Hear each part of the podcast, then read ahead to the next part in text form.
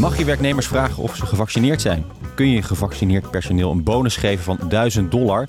En waarom mag je bij een festival wel een QR-code vragen en op kantoor niet? Mijn naam is Koos Tevoren en dit is Stibbe Legal Insights. Dit is een tweedelige serie over de algemene zorgplicht van de werkgever, waarin we onderzoeken wat die zorgplicht betekent voor de veiligheid op kantoor en thuiswerken. Sinds het begin van de coronapandemie is er veel veranderd voor werknemers en werkgevers. En beiden moesten zich razendsnel aanpassen aan het thuiswerken. En de zorgplicht krijgt opeens een nieuwe betekenis en veel meer prioriteit. En dus gaan we in deze speciale afleveringen van Stibbe Legal Insights praten met advocaten van Stibbe over de rechten en plichten van werkgevers. In het eerste deel gaan we het hebben over de zorgplicht van werkgevers op de werkvloer. Ik praat erover met Astrid Helstone en Judica Krikke, beide advocaat bij Stibbe. Welkom allebei. Dankjewel. Dankjewel. Judica, om bij jou te beginnen. Uh, veel bedrijven gaan weer terug naar uh, kantoor. Uh, dat kan omdat veel mensen gevaccineerd zijn. Maar ja, je weet niet precies wie er nou wel of niet gevaccineerd is. hoe kom je daarachter? Mag je dat vragen? Ja, dat is een goede vraag, Koos. Um, en niet zo gemakkelijk te beantwoorden. Misschien is het goed om te beginnen met het kader waar we hiermee te maken hebben. Want het is eigenlijk een complex kader van wetgeving. We hebben te maken allereerst met grondrechten, diverse grondrechten. En de eerste daarvan is dat wij in Nederland mensen niet verplichten om zichzelf te vaccineren. Dat, dat noemen we de vrije keus uh, van de mens op zijn lichamelijke integriteit. Um, een tweede grondrecht is het recht op privacy. Je hoeft niet alles met je werkgever te delen. En dat leidt ertoe dat werknemers ook niet tegen hun werkgever hoeven te zeggen wat voor soort ziekte ze hebben als ze ziek zijn. ze moeten melden dat ze ziek zijn, maar meer hoeven ze bijvoorbeeld niet te doen. Het recht op privacy. En in het verlengde daarvan hebben we hier te maken met een uitloper van de privacy. En dat is de verwerking van persoonsgegevens, die eigenlijk het recht op privacy ondersteunt. Um, gevat in de AVG. En tenslotte hebben we hier nog met een ander uh, leerstuk te maken. En dat is de zorgplicht van de werkgever. En al deze rechten spelen samen uh, in de beantwoording van de vragen die, uh, die hier op tafel liggen. Um, en dan terug naar je vraag. Mag je nou als werkgever vragen of iemand gevaccineerd is? Nou, vanuit privacyrechtelijk perspectief, vanuit AVG-perspectief, zou ik zeggen dat mag best. Vragen mag altijd als je het maar niet registreert. Want als je het gaat registreren, dan ben je persoonsgegevens aan het verwerken. En zelfs gegevens over of mensen uh, gevaccineerd zijn of niet. Het zijn gezondheidsgegevens. En die mag je als werkgever uh, al helemaal niet in beginsel verwerken. Hè, want daar geldt een strenger regime. Dus uh, je mag vragen. Um, een werknemer hoeft niet per se uh, antwoord te geven, Astrid. Uh, nee. wat, wat kan je daar voor consequenties aan verbinden als werkgever, als een medewerker geen antwoord wil geven? Ja, niet, het geen antwoord geven leidt niet tot ontslag of een andere sanctie. Dus een werknemer heeft het recht om geen antwoord te geven. Het enige wat je kan doen als werkgever is een moreel appel op je werknemers doen. En duidelijk te maken ook hè, dat je het belangrijk vindt dat de hele werkplek besmettingsvrij blijft. En dat je een moreel een beroep doet op mensen, dat ze ook daaraan meewerken. Dus als je verkoudheidsklachten of andere klachten hebt die duiden op COVID, uh, dat je dan ook een dringend beroep op mensen doet om thuis te blijven. Dat mag je wel vragen. Maar het, het niet antwoord geven op de vraag: ben je gevaccineerd of niet, dat leidt niet tot ontslag of andere sancties. Nee. En je mag, neem ik aan, ook niet uh, eisen dat mensen zich laten vaccineren. Nee, Nee, je mag het niet eisen. Dus er is een hoop media-aandacht geweest. Hè, naar aanleiding van bedrijven die hebben aangekondigd dat ze uh, mensen verplichten om zich te laten vaccineren. Maar daar moet ook worden toegevoegd dat die bedrijven zelf ook daarover hebben gesteld dat ze het niet gaan controleren. Dat sluit precies aan bij wat Judica net ook zei. Je mag niks verwerken, je mag ook geen consequenties aan verbinden. Het is eigenlijk, moet je het vertalen als een moreel appel op werknemers om de werkplek helemaal besmettingsvrij te houden. Ja.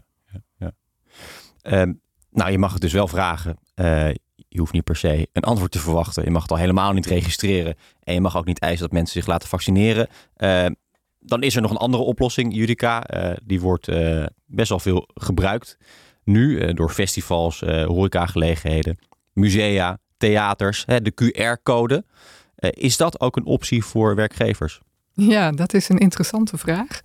Um, deze, deze coronapas, die mag in de openbare ruimte op dit moment, omdat er een tijdelijke wettelijke basis voor is gecreëerd. Uh, en die tijdelijke wettelijke basis, die ziet dus op de openbare ruimte. Uh, die zit niet op bedrijven. Uh, dus de vraag is dan, hè, mogen bedrijven dat nou wel doen of mogen ze het niet doen? eigenlijk staat dat niet in die tijdelijke wet. Dus zou je kunnen zeggen van nou ja, waarom zouden bedrijven het niet kunnen doen? Um, maar in de memorie van toelichting is wel gezegd van nou dat is, dat niet de bedoeling dat bedrijven dit gaan toepassen. Um, dat, is, dat is geredeneerd vanuit die tijdelijke wetgeving. Um, als je het nou gaat bekijken vanuit het perspectief van de AVG, dan wordt daar gezegd, ook door onze autoriteit persoonsgegevens, ja dat kan niet, want je bent dan als werkgever gezondheidsgegevens aan het verwerken als je, zo'n, uh, als je die scan doet. Ja. Maar je kunt je wel afvragen of dat echt zo is. Hè? Want een coronapas, die kun je krijgen als je gevaccineerd bent of als je corona hebt gehad of als je je hebt laten testen. Dus de vraag is, wat zegt het nou precies over je gezondheid? Eigenlijk weet je niks. Eigenlijk weet je niks. Je weet niet eens of iemand corona heeft of niet. Dus je zou ook kunnen zeggen, hè, dat heeft helemaal niks met persoonsgegevens te maken. Althans niet met gezondheidsgegevens, dat is één. En het tweede aspect is, als je zo'n scan zou doen, dan ben je eigenlijk ook helemaal geen persoonsgegevens aan het verwerken. Zo'n scan eh, levert op dat je een rood of een groen schermpje krijgt. Maar het betekent niet dat je als werkgever op dat moment elektronisch persoonsgegevens van een persoon aan het verwerken bent. Het is wel weer zo, hè, als je dat gedaan zou hebben, je kunt het vervolgens niet weer allemaal gaan registreren. Of iemand wel of niet een coronapas heeft en of die wel of niet gecontroleerd is, et cetera. Als er zijn natuurlijk wel bepaalde branches waar eh, je mag verwachten dat uh, medewerkers misschien gevaccineerd zijn. Uh, niet per se alleen tegen uh, het COVID-virus, maar vliegpersoneel moet zich ook laten vaccineren tegen uh, hepatitis B. Hoe zit het in die sectoren, in die branches?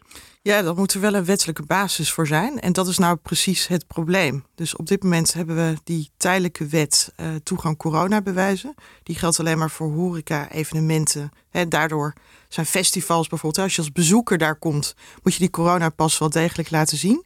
Maar ook hier speelt weer, er geldt geen wettelijke basis voor private arbeidsverhoudingen dus dat maakt het eigenlijk tot een probleem. Maar dat is dus wel iets wat op dit moment wordt onderzocht. Dus begin november komen er waarschijnlijk ook uh, uitkomsten van het onderzoek wat uh, minister De Jonge aan het doen is. Of er misschien niet toch een wettelijke basis kan worden gemaakt. Dat heeft natuurlijk iets heel kroms dat je als bezoeker van een festival of een café uh, wel zo'n corona-toegangspas moet laten zien. Terwijl het personeel dus niet gevaccineerd hoeft te zijn. en ook geen corona-toegangspas hoeft te laten zien. En als werkgever heb je natuurlijk ook uh, een bepaalde verantwoordelijkheid ten opzichte van uh, uh, je werknemers. we hebben de hele tijd nu over eigenlijk een beetje werkgever tegenover de werknemer. alsof het een soort van strijd is. Maar de werkgever moet ook voor de werknemer zorgen. Die moet ervoor zorgen dat er geen uitbraak van corona is. Want anders is iedereen ziek en thuis. En dat willen we niet. Ja. Hoe zit het met die verantwoordelijkheid van de werkgever? Wat is die verantwoordelijkheid? Ja, de verantwoordelijkheid van de werkgever is om de werkplek uh, veilig te houden. En dat geldt niet alleen maar op het werk zelf, maar dat geldt bijvoorbeeld ook voor thuiswerken. dus uh, ook uh, nu met het recht ook op thuiswerken wat nu bestaat, geldt dat net zo goed als ook voor de thuiswerkplek dat werkgever een zorgplicht heeft. En ja, dat is dus wel belangrijk om dat scherp voor ogen te houden. Want het gaat eigenlijk niet zozeer om die vaccinatieplicht of de vraag of je je werknemers kunt verplichten om zich te laten vaccineren. Want dat mag je gewoon niet. Die dat is niet mogelijk om mensen te verplichten. Maar het gaat erom dat je een beleid voert wat gericht is op algehele preventie van ziekte. En om dus die hele werkplek besmettingsvrij te houden. Dus dat betekent, als je COVID uh, wil tegengaan, zul je dus duidelijke eisen moeten stellen aan hoe mensen zich ook op de werkplek moeten gedragen, bijvoorbeeld. Dus hè, de anderhalve meter uh, regel is nu wel losgelaten. Maar je zou je kunnen voorstellen, als hè, we weten nu nog niet zeker hoe het virus zich weer verder gaat verspreiden, dat je voorlopig toch maatregelen neemt. Bijvoorbeeld dat mensen alleen op een kamer zitten, toch nog afstand houden, in roosters bijvoorbeeld. Uh, bij elkaar komen in vergaderingen. Dus dat je daar rekening mee houdt. En dat hoort allemaal bij die zorgplicht. Ja, los van, van die maatregelen die je dus uh, blijkbaar kunt nemen. Ehm, zou je, eh, je, zei, je mag niet, je mag niet verplichten dat uh, medewerkers gevaccineerd moeten zijn, maar je zou het wel kunnen, kunnen stimuleren. Is dat ook een bepaalde verantwoordelijkheid van de werkgever? Nou, het, het stimuleren van een vaccinatieplicht, uh, dat, het, zolang je niet zegt, je hebt de verplichting om je te laten vaccineren, zijn natuurlijk ook andere manieren om voorlichting te geven. Wat het belang eigenlijk is van vaccinatie. En waar het belang, het belangrijk is om de werkplek helemaal besmettingsvrij te houden. Dus daar kan je denk ik wel dingen voor doen. Bijvoorbeeld door de bedrijfsarts voorlichtingen te laten geven. Het promoten eigenlijk van een veilige werkplek. Dat is het allerbelangrijkste. Veel belangrijker ook dan de nadruk zou te leggen op die vaccinatieplicht. En stel nou dat je als werkgever uh, beleid maakt waarin het dragen van een mondkapje uh, verplicht is. Uh, wat kun je vervolgens doen als werkgever als een medewerker dat weigert? Ja, nou als er echt een, noodzaak, een, een, noodzaak is, hè, een noodzakelijke reden waarom er mondkapje moet worden gedragen. Dat kan bijvoorbeeld zo zijn, nou ja, in ieder geval in de zorg of bijvoorbeeld ook in een fabriek kun je dat ook voorstellen. Ook in het openbaar vervoer hè, zijn wij ook allemaal als uh, passagiers verplicht om dat mondkapje te dragen.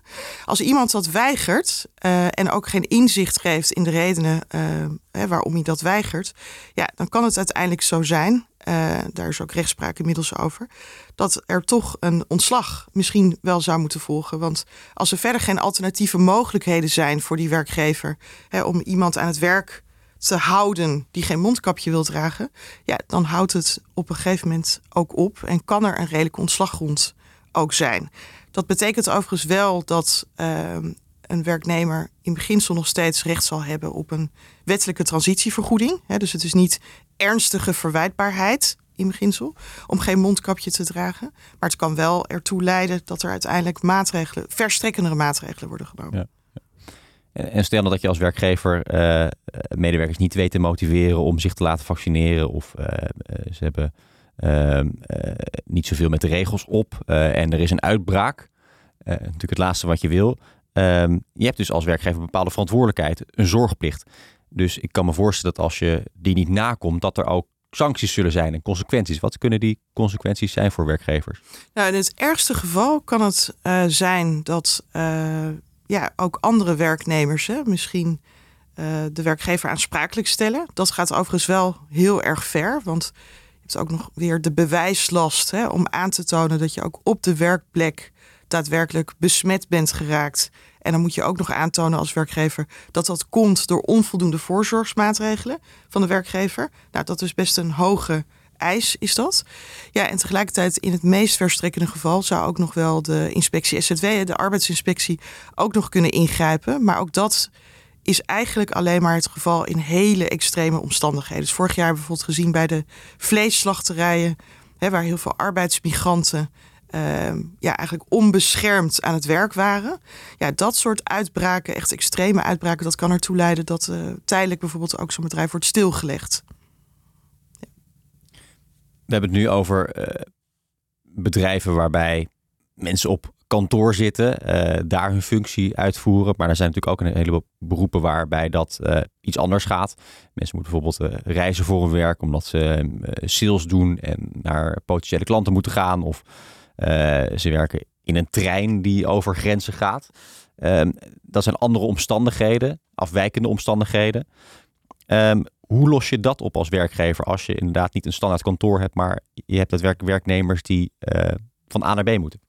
Nou, dat, is best, dat wordt steeds ingewikkelder, denk ik nu. Omdat je dus ziet dat ook heel erg veel landen wel degelijk de eis stellen aan reizigers, mensen die inreizen, dat je gevaccineerd bent. Dus dan indirect is het dan natuurlijk wel ook een eis waaraan de werkgever zal moeten voldoen. Uh, als je mensen aan het werk wil houden. Dus als jij een handelsreiziger bent en je moet naar een land reizen. Uh, waar wel degelijk een vaccinatieplicht geldt. Ja, dan zul je als. Dus je mag als werkgever mag je het niet vragen. Dus je komt in een gekke spagaat terecht. Je mag niet vragen wie er gevaccineerd is. Maar wat je wel kan vragen, is aan werknemers kun jij voldoen aan deze reisrestricties en kun je dat invullen. Ja, als dan blijkt dat uh, werknemers dus invullen, nee, ik kan niet voldoen aan die eisen, dus ik kan ook niet ingeroosterd worden voor die landen om daar naar te reizen. Ja, dan zul je dus moeten kijken of je mensen tijdelijk op hè, naar andere landen kan laten reizigen waar die, uh, waar die plicht misschien niet geldt. Maar als de mogelijkheden op een gegeven moment zijn uitgeput en het ook intrinsiek hoort bij je rol om te reizen, voor sales managers of de stewardess die moet reizen, of de internationale hè, treinchauffeur zal dat gelden, ja, dan kan het dus op een gegeven moment toe leiden dat er wel degelijk uh, een ontslag moet volgen, omdat er geen herplaatsingsmogelijkheden zijn. Um, maar dat staat dus helemaal los van die vaccinatiestatus ook weer. Dus weer, je mag het niet vragen, maar indirect kan het dan wel degelijk leiden tot arbeidsrechtelijke sancties. Ja, het is een beetje alsof je een taxibedrijf eh, hebt. Je kan niet eisen dat mensen of je medewerkers een rijbewijs hebben, maar dat is nou eenmaal het systeem. Ja. En, en zonder dat rijbewijs kunnen ze niet hun beroep uitvoeren. Ja, je zou het eigenlijk daar ook mee kunnen vergelijken. Ja, maar dan de, de veronderstelling is dan dus wel dat er echt ook geen herplaatsingsmogelijkheden zijn. Dus dat het intrinsiek bij je rol hoort om ook die reizen te maken. Dan even praktisch, uh, Astrid, je hebt natuurlijk al een aantal dingen eh, genoemd vanuit de zorg, zorgplicht die je, die je kunt doen als werkgever om te voorkomen dat er uh, uitbraken zijn. Maar er zijn ook dingen die je kunt doen, uh, Judica, als werkgever, om mensen te stimuleren om bijvoorbeeld gevaccineerd te zijn. bij een aantal Amerikaanse bedrijven zoals Amazon keren ze zelf, zelfs geld uit, soms wel duizend dollar als bonus aan gevaccineerd personeel. Is dat ook een, een manier om aan je zorgplicht te voldoen hier in Nederland? Nou, het is in ieder geval een maatregel die je zou kunnen proberen. privacyrechtelijk is er ook niks mis mee. Um, als mensen bereid zijn om hun principes overboord te zetten, um, in ruil voor een bonus, dan verhoog je de vaccinatiegraad. Hè? Dus dat zou best een interessante oplossing kunnen zijn. Toch, toch is in de verhouding tussen werkgever en werknemer dat nog niet zo makkelijk, denk ik. Want ook hier hè, geldt, je moet wel weten aan wie je die bonus gaat uitkeren. Dus dan moet je toch weten of iemand al gevaccineerd is of niet. Terwijl je dat als werkgever eigenlijk niet kunt weten en niet mag weten. Je mag het ook niet opschrijven, dus je kunt vervolgens ook niet gaan registreren wie er wel of niet die bonus heeft gekregen. Dus dat is nog best ingewikkeld. En volgens mij is er, uh, is er vanuit de zorgplicht nog wel een ander aandachtspunt, Astrid. Ja, vanuit arbeidsrechtelijk perspectief kun je ook nog wel de vraag stellen. Want je koppelt dus die bonus niet aan een werkprestatie. Uh, dat maakt het al heel erg ingewikkeld. En je geeft dus in feite een bonus voor een ja, persoonlijke keuze die een werknemer wel of niet maakt. Dus als ik de vergelijking trek bijvoorbeeld met, uh, hè, bijvoorbeeld als je als uh, bijvoorbeeld chauffeur boetevrij rijdt in een jaar nou, dat zie je soms wel eens bij bedrijven dat die daar dan een bonus voor krijgen. Dat is echt gekoppeld aan een werkprestatie die je levert. En het koppelen van een bonus aan een vaccinatieplicht, ja, dat ligt dan dus wel een stuk ingewikkelder. Hè? Want het ligt echt in de privésfeer, de keuze, persoonlijke keuzes die een werknemer maakt. Ja. Wat kun je als werkgever uh, wel doen om uh, werknemers te beschermen? In ieder geval, uh, als het om een kantoor of een werkomgeving gaat, die zodanig inrichten dat uh, de veiligheid maximaal gewaarborgd is, een heel duidelijk ziektepreventiebeleid voeren. Uh, waarin je duidelijk maakt wanneer mensen wel en niet op kantoor mogen komen. Dus hè, je ziet in de praktijk dat hè, bij klachten blijf je thuis en verschijn je niet op de werkplek. zorgvuldig omgaan bijvoorbeeld hè, met vergaderingen of sociale werkactiviteiten die buiten het kantoor uh, plaatsvinden, bijvoorbeeld. Misschien moet je zelfs dat soort hè, sociale activiteiten voorlopig op plekken ook organiseren waar een QR-code bijvoorbeeld voor vereist bent. Dan heb je, heb je al een zekere hè, waarborg van die veiligheid. Ja, en verder toch heel veel, denk ik, uh, voorlichting geven. Dat kan je via de bedrijfsarts doen of via personeelszaken, om in ieder geval die werkplek veilig te houden. Judica, er is ook een hoop spoedwetgeving. Uh, met welke veranderingen moeten werkgevers rekening houden? Ja, dat is, dat is een goede vraag. Uh, minister De Jonge is dat nu aan het onderzoeken. Hè, wat voor uh, wijzigingen in de, wetgevingen, in de wetgeving denkbaar zijn. Je zou kunnen denken aan een tijdelijke vaccinatieplicht voor bepaalde sectoren. We hebben dat eerder gezien, bijvoorbeeld in de zorg, dat daar wel een vaccinatieplicht kwam voor hepatitis B.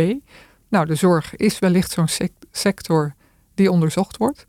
Uh, en andere sectoren zijn misschien ook wel de sectoren waar nu uh, de bezoekers een coronapas moeten tonen, terwijl het personeel dat niet hoeft. Dat, dat is eigenlijk ook best gek. Dus het zou best kunnen dat dat ook uh, onder de aandacht ligt.